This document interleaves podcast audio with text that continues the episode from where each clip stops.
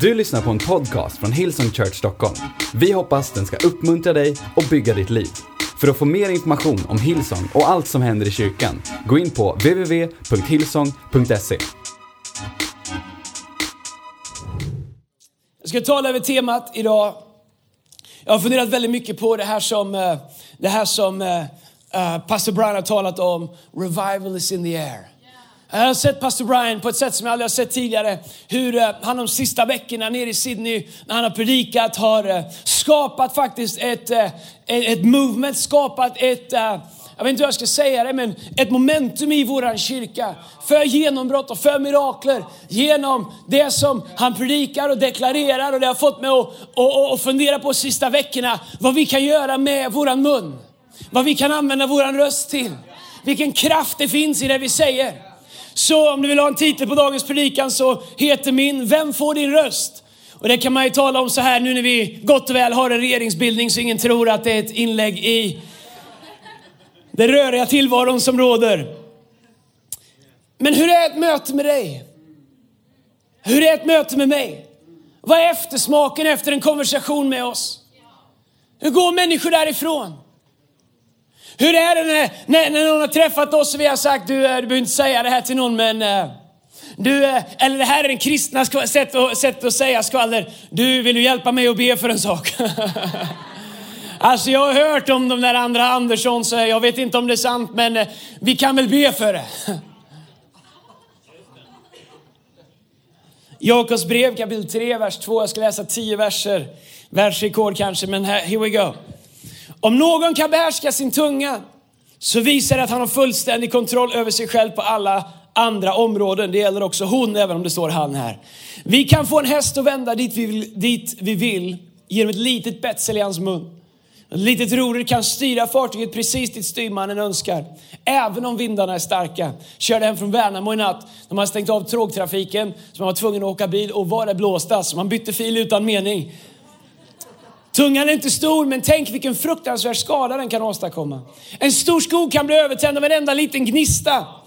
Och tungan är en eldslåga, den är fylld av ondska och förgiftar varje del av kroppen. Tungan tänds av helvetet själv och kan förvandla våra liv till en flammande eld som vållar förstörelse och olycka. Människor har tämt eller kan tämja alla slags däggdjur och fåglar, ormar och fiskar. Men ingen människa kan tämja tungan. Den är alltid beredd att sprida sitt dödliga gift. Ena stunden lovprisar den vår himmelske far och i nästa stund svär den ve och förbannelse över människor som är skapade till Guds avbild. Ur samma mun kommer alltså både välsignelse och förbannelse, kära bröder, även systrar. Det kan naturligtvis inte vara rätt. Inte ger väl en källa först friskt vatten och sen bittert vatten. Inte kan man plocka oliver från ett fikonträd eller fikon från en vinstock. Nej, inte heller kan en saltkälla ge sött vatten. Jakob här är ganska direkt och pratar om den utmaning som finns med våra tal. Bibeln talar också om den potential som finns i våra tal. Ordspråken 21 och 23 så står det, den som vaktar sin mun och sin tunga bevarar sitt liv för svårigheter. Tänk vad mycket svårigheter jag har skapat genom livet för att jag inte vaktade min tunga. Tänk om jag bara hade hållit truten. Några här får lägga ribban lite högre. Tänk om jag bara inte hade sagt något. Ordsboken 18.21. Tungan har makt över död och liv. De som gärna brukar den får äta dess frukt. Proverbs, eh, engelska översättningen, New King James version. 25 och 25 så står det. As cold water to a weary soul, so is good news from a far country. Som kallt vatten till en trött själ, så är goda nyheter. Eller vad står, vad, vad står det? Så är goda nyheter som kommer långt bort ifrån från ett annat land. Att våran tunga kan vara som vatten som släcker våran törst, som släcker våran själs längtan.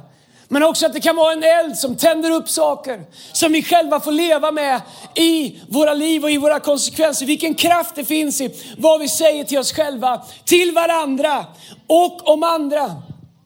Jag är inte mycket av en kaffenörd. Jag har skojat någon gång om de som är Jag har inget emot kaffenördar. Jag ser att de har kommit även hit till norra. Vi har fått en kaffemaskin. Man kan få fint kaffe. De kan göra hjärtan och granar och svanar och allt möjligt på det. Inte när jag växte upp, det fanns inga sådana kaffemaskiner, det kan jag säga. Där fanns det svart eller med socker. Det fanns starkt eller starkare. Det hade inte gjort någonting om det hade stått på hela förmiddagen. Det funkar lika bra till frukost som till elvakaffet, som till lunch, som till eftermiddagsfikat. Så länge det gick att hälla så gick det att dricka. Det var starkt och det var, men du vet så här, för en del, de här vet, kaffenödarna, det är som en hel vetenskap. Och jag var någonstans, jag var, tror jag var med Tobbe Palma med, han är ju kaffekonnässör, inte nörd, konnässör, han är specialist. Han har faktiskt vunnit barista-VM i Sverige, eller hur? VM, SM. Hey, barista-SM, han har varit Sveriges bästa barista i omgångar. Så ser du honom ute i foajén, se till, nu är det du som kommer med och gör en riktig kaffe här. Men då var vi på ett ställe, jag kommer inte ihåg var vi var, var vi i London när de gjorde sånt där kaffe. Och, och vi skulle ha sånt där fint kaffe. Det första tog en evighet att få kaffet. De ska mala för hand och greja och hålla på. Sen står de där istället för att sätta på en maskin står de och häller. Och du vet, så här, de är så löjliga. För de tror liksom, de ska hälla ut med kanten så här. Eh, häll i vattnet. Det ska igenom det ska igenom bönorna, vattnet ska bli svart, det ska inte gå att se igenom, skeden ska stå, det är inte så svårt. Men de stod och hällde och hällde och till slut när det var så såg det ut som te. Alltså, häll, varför tog ni så lite bönor? Det dyraste kaffe vi har köpt någonsin. Och det var minsta bönorna jag någonsin haft i en kopp. Så vi dricka kaffet, smakar ingenting. Då säger Palm, smaken kommer, du får känna smaken kommer senare eller efter, kommer om en stund. Spelar ingen roll hur mycket jag drack, kom ingen smak. När jag drack kaffe hos morfar, då kom smaken först, sen kaffet. När jag var stark så var jag tvungen att hälla upp ett fat och 100 grader var det också.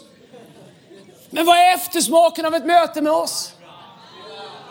Vad är eftersmaken efter en konversation med oss?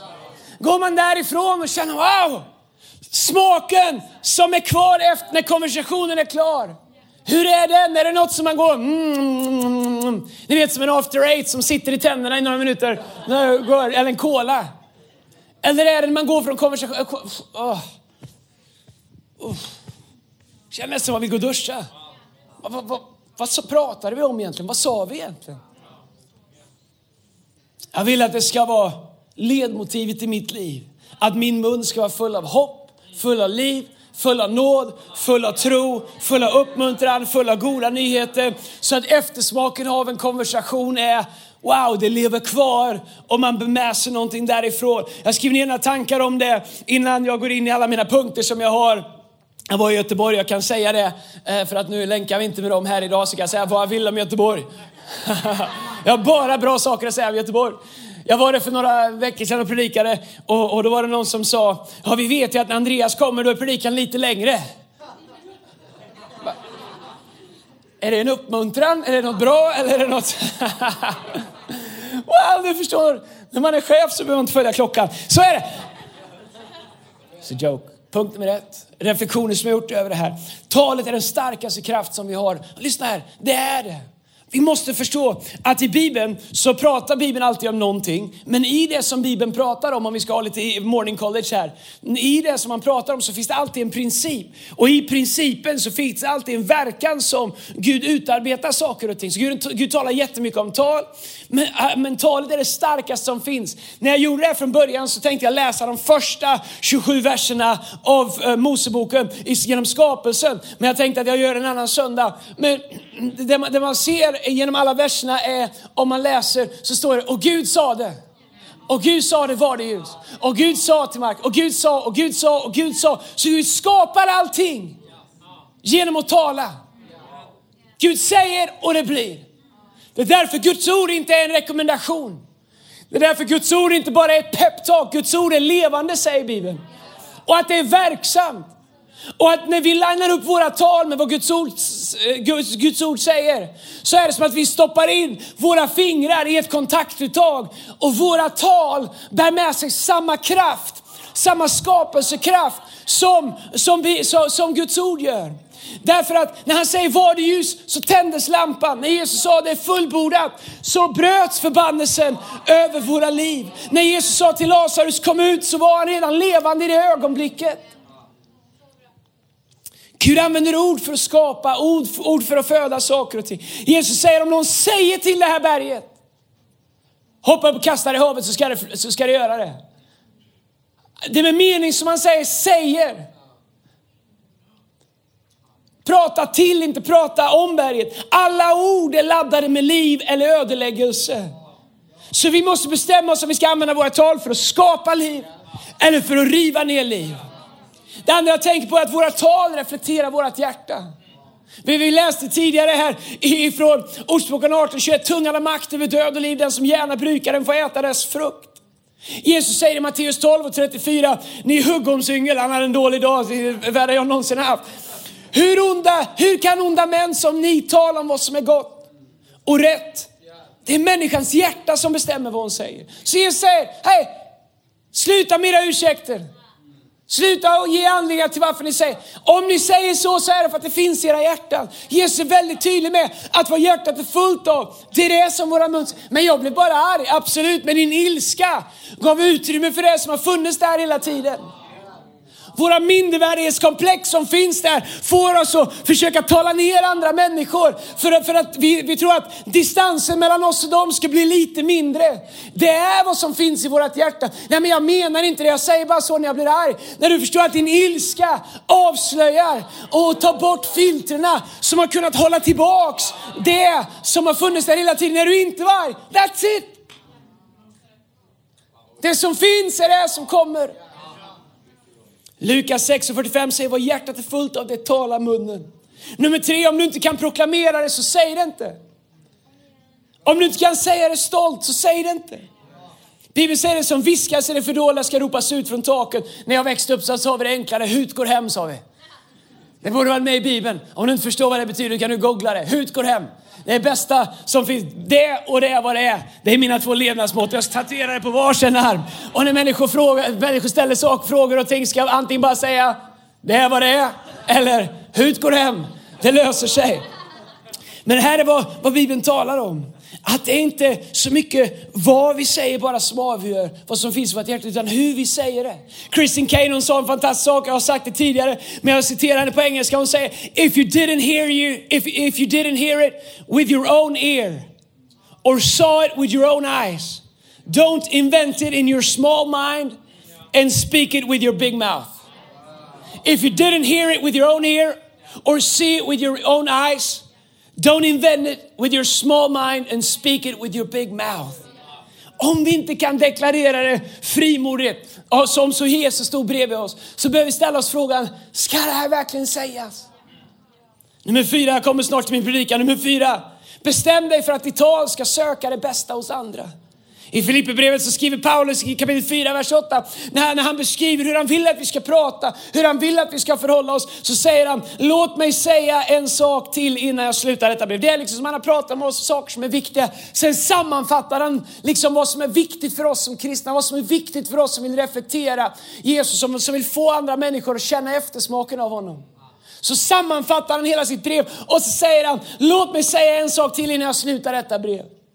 Inrikta era tankar på det som är sant, gott och rätt. Tänk på det som är rent och det som är värt att älska. Och se på det fina och goda hos andra människor. Tänk på allt som är Gud och var glad över det. Varför säger Paulus det att vi ska, att vi ska tänka på det, att vi ska fokusera? Naturligtvis därför att det finns, de andra sakerna finns också.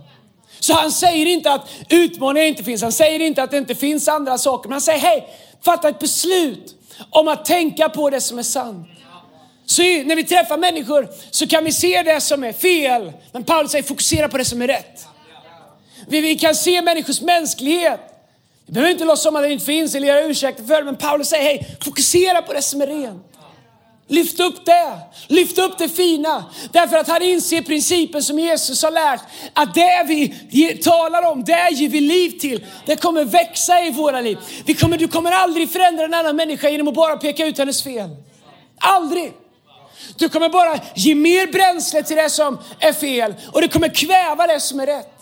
Men om du väljer att istället börja tala liv in i det som är rätt. Även om det som är rätt, det som är sant, det som är värt att älska eh, skulle vara mindre än det som är fel med en person eller utmaning. Jag lovar, nu börjar tala in till det som är. Jesus han hittade en kvinna som alla de rättfärdiga som hade rätten på sin sida med lagen ville stena. Men du förstår, Jesus mitt i den situationen där hon har gjort fel, han väljer att hitta något som är rätt.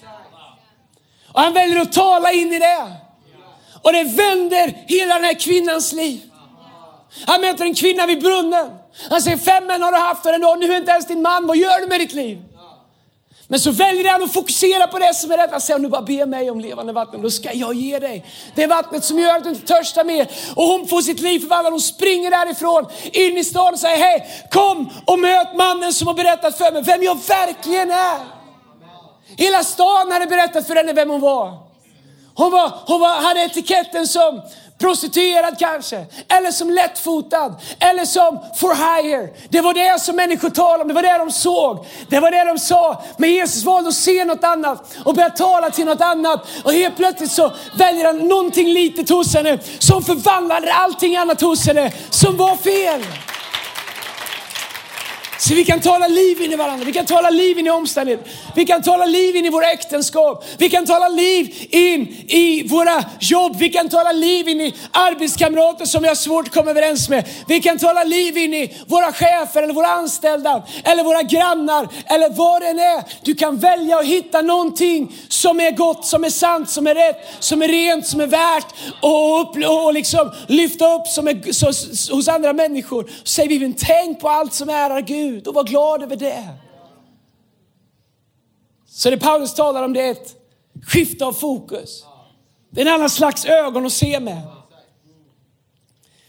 Det femte som jag funderar på i de här texterna som vi läste är att låt inte det andra ha sagt av negativitet och förbannelse definiera vem du är. Låt inte vad andra människor har satt för etiketter på dig definiera vem du är. Jag har sagt det tusen gånger, jag kommer säga tusen gånger till. Vi har inga ex i våran kyrka.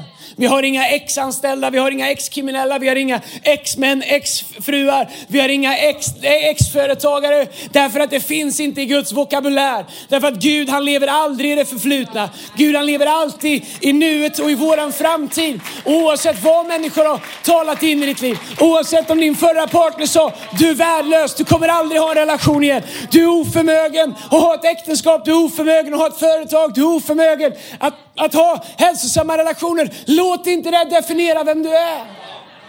Låt inte vad andra har sagt om dig bli din identitet. Använd Guds ord. Läs vad Gud säger om det. Och låt hans verklighet överskugga vad alla andra säger om dig. Därför så måste du bestämma vad du säger till dig själv. Kanske är det det svåraste av allt, att tala liv in i oss själva. Så många av oss, vi har så mycket enklare att uppmuntra andra människor än vad vi har att uppmuntra oss själva. Vi har lätt för att ge den här nåden till andra människor, men vi har svårt för att ge den till oss själva. Vi håller oss själva så enormt mycket mer accountable än vad vi gör med någon annan människa. Psalm 4.23 så står det framför allt som att bevaras, bevara ditt hjärta för därifrån utgår ditt liv. Ditt hjärta är värt för dig att bevara. Men om du inte ser värdet i ditt hjärta så kommer du aldrig bevara ditt hjärta. Ordspråken 2, eh, vers 1 så står det, min son om du tar emot mina ord och gömmer mina bud inom dig så att du låter ditt öra ta vara på visheten och böjer ditt hjärta till klokheten. Ja, om du ropar efter insikt och höjer din röst för att kalla på klokheten, om du söker efter den som silver och letar efter den som en skatt, då ska du förstå Herrens fruktan och finna kunskapen om Gud. I allt som vi, som, som vi gör så vill jag att vi ska vara en kyrka som med vårt sätt att se och tala behandlar människor med ett hopp som ger dem liv och framtid. Där vi talar in i människors potential. Där vi inte sätter etiketter på människor där de kommer ifrån. Eller sätter etiketter på dem, vare sig med deras success eller deras misslyckanden. Utan att vi är en kyrka som ser Guds potential. Som letar efter möten som Jesus hade vid brunnen i Samarien. Att, att, att vi aktivt söker efter och ger människor en friheten. Superenkelt att hitta allt det andra. Krävs ingen profet för det. Ibland kommer människan Andreas, jag har sett en sak hos honom. Ha, har du sett en sak? Men jag har en lista lång som en toarulle. Men jag har sett någonting annat. Jag har sett att Guds hand är över deras liv. Och Bibeln säger att han som har startat ett gott verk i en människa, han är trofast och rättfärdig till att fullborda det. Så vem får din röst? Nu till predikan. Jag sa att de sa att jag predikar länge, men det ska jag inte göra. Men vem får din röst? Vad lånar du din röst till? Vad ger du din röst till? Vem får äga din tunga? Vem får äga ditt tal? Vem får äga mitt tal? För faktum är att vi lånar ut våra tal. Och Det är inte det att jag gärna predikar om djävulen. Han är ingen big deal. Eh, en del tror att, Rena Bonke sa det väldigt bra, en del tror att Gud och djävulen att det är någon slags maktkamp där det liksom, de är som två Nascar-bilar där de ligger liksom, tävlar om att ligga först. Det är det inte. Det är som en drake mot en råtta. Och Rena Bonke sa att när vi kommer till himlen kommer vi upptäcka att djävulen var bara en liten, liten, liten mus med en stor ljudanläggning. Det är allt han var. Så det är inte så liksom att du vet såhär, 50-50, nej, Jesus har redan vunnit. Men faktum är att Bibeln säger att vi har en fiende. Och den fienden hatar alltid oss som påminner om han som kastar ut honom från himlen när han ville bli större än Gud. Så allt i våra liv som påminner om Gud. Kärlek, hopp, Guds närvaro, Guds härlighet. Barnaskapet, oh, ah, oh, ah, ah, du vet det är som när du, du vet så här, det är som en svensk när grannen vinner en bil på Bingolotto. Come on somebody. det är svårt att leva med. Alla ni som inte vet vad Bingolotto är, det är ett program som vuxna lekte för. Man köpte specialpennor som man inte kryssade med, man duttade. Och, eh, men, jag har aldrig spelat hela mitt liv. Jag hade, hade riktiga saker att göra på den tiden. Jag var singel när Bingolotto pikade så man kan säga att mina fredagkvällar, lördagkvällar gick inte åt det, eller söndagkvällar, vilka kvällar det nu var. Men i alla fall. Har du sett en svensk någon gång försöka vara glad när någon annan har vunnit något ordentligt? Du vet så här, det är nästan så de här tv-värdarna på tv när de skrapar trist tycker att det är svårt när de vinner för mycket. Vad roligt! Du vann 500 000, vad ska du göra för det? Nej, jag ska bara ut och resa och bränna det på, på, på eh, förströelser. Jag ska, jag ska leva upp det. Jaha. Ska, jag, ska du inte spara lite? Nej, inte en krona. Allt ska bränna. Det ska brinna i fickorna här nu i tre veckor tills det är klart. Du vet så okej. Okay. Det är roligt för dig. Men här är grejen, så är djävulen också. Och Bibeln säger att han har svurit att göra allt han kan för att stjäla det Gud har gett dig. Att hans enda mission i life är att stjäla, splittra och förstöra. Det är hans mission. Det finns två saker som han hatar. Han hatar Gud i oss och han hatar kyrkan. Därför att kyrkan är Kristi kropp. Det är där som det som Jesus vill bli gjort. Det är där som vi hör till. Så han kommer alltid göra allt han kan för att splittra den. Jag har funderat ofta på i Sverige varför det inte blir sådana stora kyrkor i Sverige. På det sätt som man kan se i andra länder. Varför? Men om man läser historien, sorry om jag nördar in lite nu, men när man läser väckelsehistoria så verkar det som att det mesta slutar i splittring. Pingströrelsen startade under 35 år. Över 530 kyrkor på 35 år. Gick från noll medlemmar till över 100 000. Lever Petrus en apostel, den största kanske som någonsin har levt i våran tid. Ändå är resan kantad av människor som vill forcera sina mänskliga viljor på det som en gång började som en move of God. Jag ser när jag studerar runt om i världen, liksom skeenden som Gud gör. Hur det slutar i trät, hur det slutar i splittring. Utan att lägga några värderingar alls i det, för jag vet inte exakt vad som hände, men det fanns en väckelse som hette Pensacola. Jag var där och ledde ganska mycket lovsång under dess glansdagar och varje kväll i veckan så fylldes det med tusentals människor. Människor blev frälsta, de körde från hela USA för att komma dit. Det var ett move of God och människor blev på nytt födda, liksom, fick ett nytt möte med Jesus och, och det, det var människor köade. Man kom på morgonen med tältstolar, det var liksom tailgate party för att komma in och få en plats varenda kväll i flera år. Jag pratade med någon som hade varit det bara för något år sedan. De sa att det är mindre än hundra människor kvar. Alla ledarna är borta. Alla blev osams. Allting slogs i spillror. Och det finns så många olika, vi kan studera historien, kyrkan, väckelseskeenden. Varför blir det så?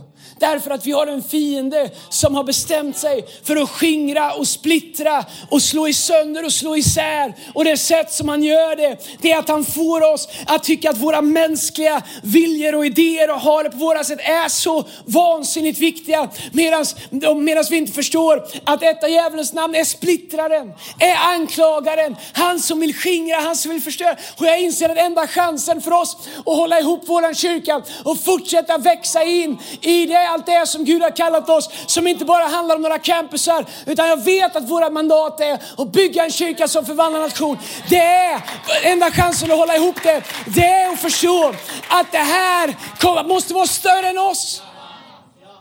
Att det här måste vara en plats för Gud. och en plats för mänsklighet. Där ofärdiga människor samlas under Guds perfektion. Och där vi förstår att den fienden som vi har är utifrån. Om man bara hade förstått det i veckans historia, att den kamp som vi har är inte mot människor av kött och blod säger Bibeln, utan mot andevarelser i himlarymden. Som vill förstöra, som vill splittra. Men du förstår djävulen, han förstår kraften i din röst. Han vet om den kraft som finns i din röst. Det är därför han vill stjäla din röst. Det är därför han vill göra dig intimidated, försagd. Det är därför han vill göra dig tyst, det är därför han vill få dig att dra dig tillbaks. För han vet kraften i din röst när du använder den till gott och när du använder den till ont. Det är därför som att han vill att du ska vara osäker och rädd och skämmas för din röst. Har du någon gång känt när du sjunger liksom att du bara kan bli lite försagd plötsligt? Vad står jag här och prisar Gud för? Så tar du ett steg tillbaks. Tänk om någon hör mig när jag sjunger. Nej, jag vill inte be högt, det känns awkward. Och tankar sätter igång. Nej, jag vet inte riktigt hur man ber. Jag är inte en sån som ber högt. Jag är inte en sån som... Och när jag säger come on church, ska vi be tillsammans? Så känner du dig nästan provocerad. Vet du vad? Det finns någon som skulle tycka det var fantastiskt om du aldrig upptäckte kraften i din röst.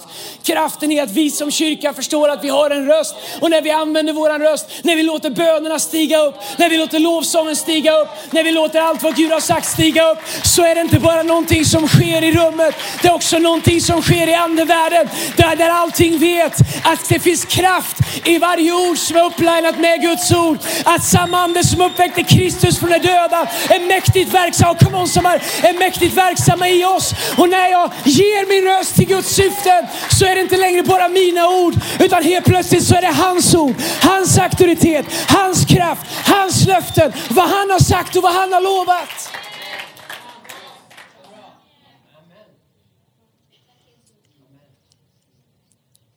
Så djävulen kommer vilja använda din röst emot vad Gud har sagt. Sju saker, förlåt, först jag har fyra, sen har jag sju. Häng kvar, jag har bara tio minuter kvar. Jag vet att det är superrörigt, men det var enda sättet att komma igenom mitt eget huvud. Det kommer sju punkter på slutet.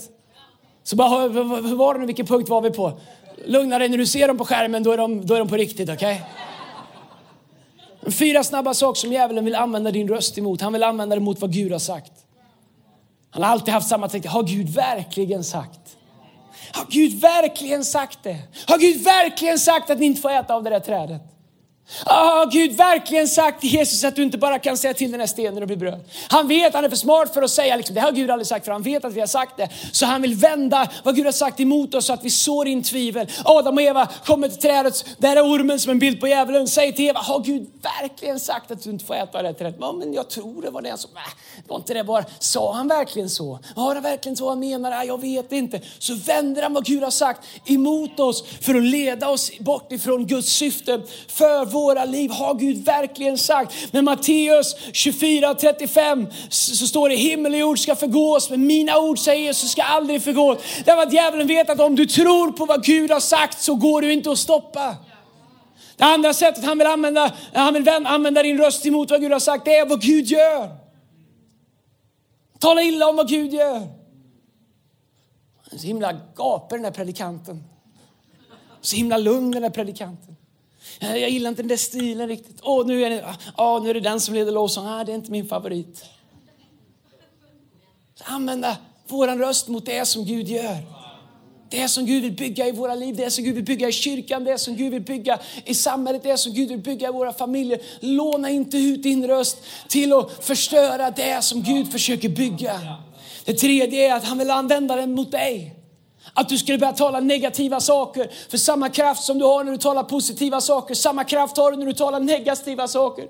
Jag kommer aldrig bli gift. Jag kommer, jag kommer aldrig få barn. Jag kommer aldrig få ett jobb. Jag kommer aldrig kunna göra det. Jag kommer aldrig kunna göra det. Och så, så lånar du ut din röst till att tala negativt in i ditt liv istället för att fylla dig med Guds ord. Där Guds ord säger att han är mäktig att göra mer än vi ens vet hur vi ska be om. Att han är mäktig att fullborda sitt eget ord. Att han vakar över sitt ord i vårt liv. Att hans ord aldrig återvänder fåfängt utan att ha uträttat det som det blir utsänd för. Istället för att, för att låta djävulen vända Guds ord mot dig Vänd Guds ord mot dina omständigheter. Gör vad Jesus sa. När djävulen kom till Jesus sa Jesus, det står skrivet. Jesus han sa inte, jag är starkare, du håller tyst. Nej, han sa, han visste vad som bet, han vet vart kraften är. Så när djävulen försökte lura dem så sa det står skrivet, människan ska inte leva endast utav bröd. Och, och, och när djävulen förstod att Jesus vet hur han ska använda ordet, så backade han. Det var ordet. När Jesus använde det. När Jesus connectade sitt tal till ordet. Så backade han som försökte förstöra hans liv.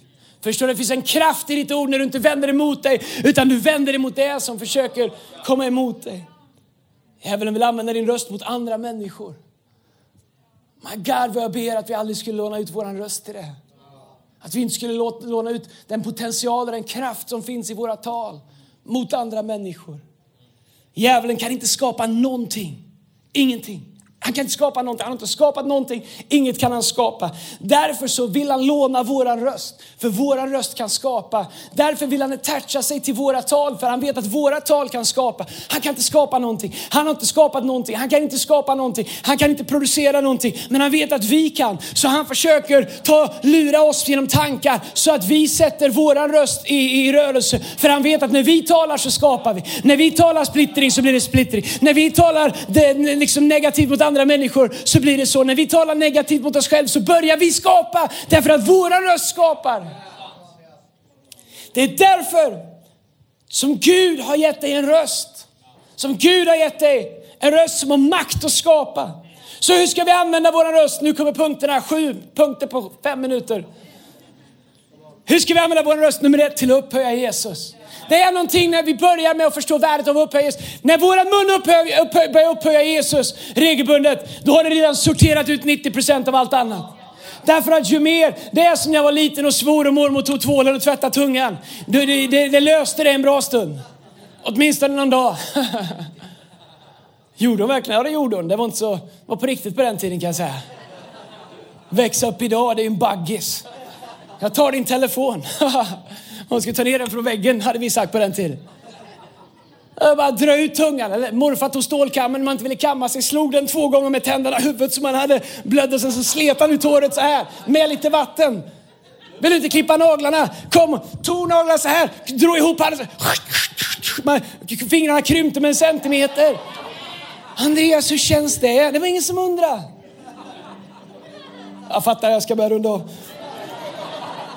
Men det är samma sak med våran röst, när våran röst, när vi förstår värdet av att upphöja Jesus i vardagen, i bilen, i lovsång. När våran mun börjar vänja sig vid att säga namnet Jesus. Jag har sagt till alla våra predikanter, jag har sagt till alla våra lovsångsledare. Jag har sagt till dem, vi är en kyrka, vi sjunger om Jesus, vi ber i Jesu namn, vi predikar om Jesus. Inte bara om Gud, inte bara om Fadern, inte bara om någon god herde. Han är allt det där, men hans namn är Jesus. Hans namn är Jesus. Och Bibeln säger att vid det namnet ska alla knän böjas, alla tungor bekänna att han är Herre. Och när det börjar bli en vardag på i din mun så kommer så mycket annat inte trivas finnas där. Så använd din röst till att upphöja Jesus. I lovsången tillbedjan. ta varje ögonblick. Använd din, nummer två, använd din mun till att be. Första Jesus gjorde med församlingen var att ge dem ett bönespråk. Första han gjorde. Det står att eld föll över dem som tungor av eld. Alla blev fyllda av den helige Ande, fick ett bönespråk. Att be den helige Ande är ingen gåva för en del. Det är inte vad vi tror i alla fall. Eller jag tror. Få tro vad du vill. Det är, vi är inte så smala att bara få plats. Men jag kan inte utläsa det i Bibeln. Det finns en gåva av tungotal som är för uttydning. Men jag tror att varje kristen människa kan få ett bönespråk där du kan tala i den heliga Ande. Paulus säger att han ber mer i den heliga Ande, mer i tungor än någon annan för att bygga upp sig själv. Det är nästan som att han kör liksom, han kör liksom eh, eh, en recycling på sin egen själ. Om det nu var oviktigt att göra det, varför är det det första som han gav församlingen? Därför att han visste att det är ett sätt att hålla själen ren, hålla vår ande ren, hålla våra tal ren. Det tredje är vad vi ska ge vår röst till, att deklarera Guds ord. Jesus sa det står skrivet. Det finns många åsikter och ibland är jag en av dem som gärna ger mig in, men vet du vad det viktigaste är? Det är vad Jesus har sagt. För det är det enda som har makt att förvandla. Nummer fyra, vad vi ska ge vår röst till, är att dela evangelium. De goda nyheterna. Förr i tiden så sa man vittna om Jesus. Ja, eh, det är ett fint ord. vittna om Jesus. För en del av er som växte upp när man var tvungen att gå ut och knacka dörr och dela ut broschyrer som knappt gick att se vad det stod på, så kanske har det en negativ klang. Men Bibeln säger att vi är vittnen. Lärjungarna sa, vi kan inte låta bli att berätta om vad vi har sett och hört. Låt oss ge våran röst till att dela hopp till människor, dela evangelium. Nummer fem, låt oss ge våran röst till att förlösa Guds kraft inte våra åsikter. Att förlösa Guds kraft. Jag, jag, jag har studerat Paulus den, den sista tiden, vet att Paulus betyder den lille. När han kom så sa de efter att de läst hans brev, de tänkte den här mäktiga Paulus, han skriver ju med så stora mäktande ord. Han, han är som ett vattenfall när han skriver. Hans insikt, hans smörjs. Sen kom de och när de fick se sen kom Paulus till dem när de fick se honom så började de kalla honom den lille. Bibeln säger han såg inte mycket ut för världen. Han var inte imponerande i sin, i sin, i sin, ins, eh, liksom i sin uppsyn. Men han var mäktig. Han var använd av Gud. Och Paulus han säger, jag vill lära känna Kristus och kraften i hans uppståndelse. Han förstod att det här handlar inte om mig, det här handlar om kraften i hans uppståndelse. Och så deklarerar han, nu lever inte längre jag utan Kristus lever i mig. Jag vill att våra tal, att vi ska ge vår röst till att förlösa Guds kraft. Man kan säga att den där Andreas, han är inte så mycket.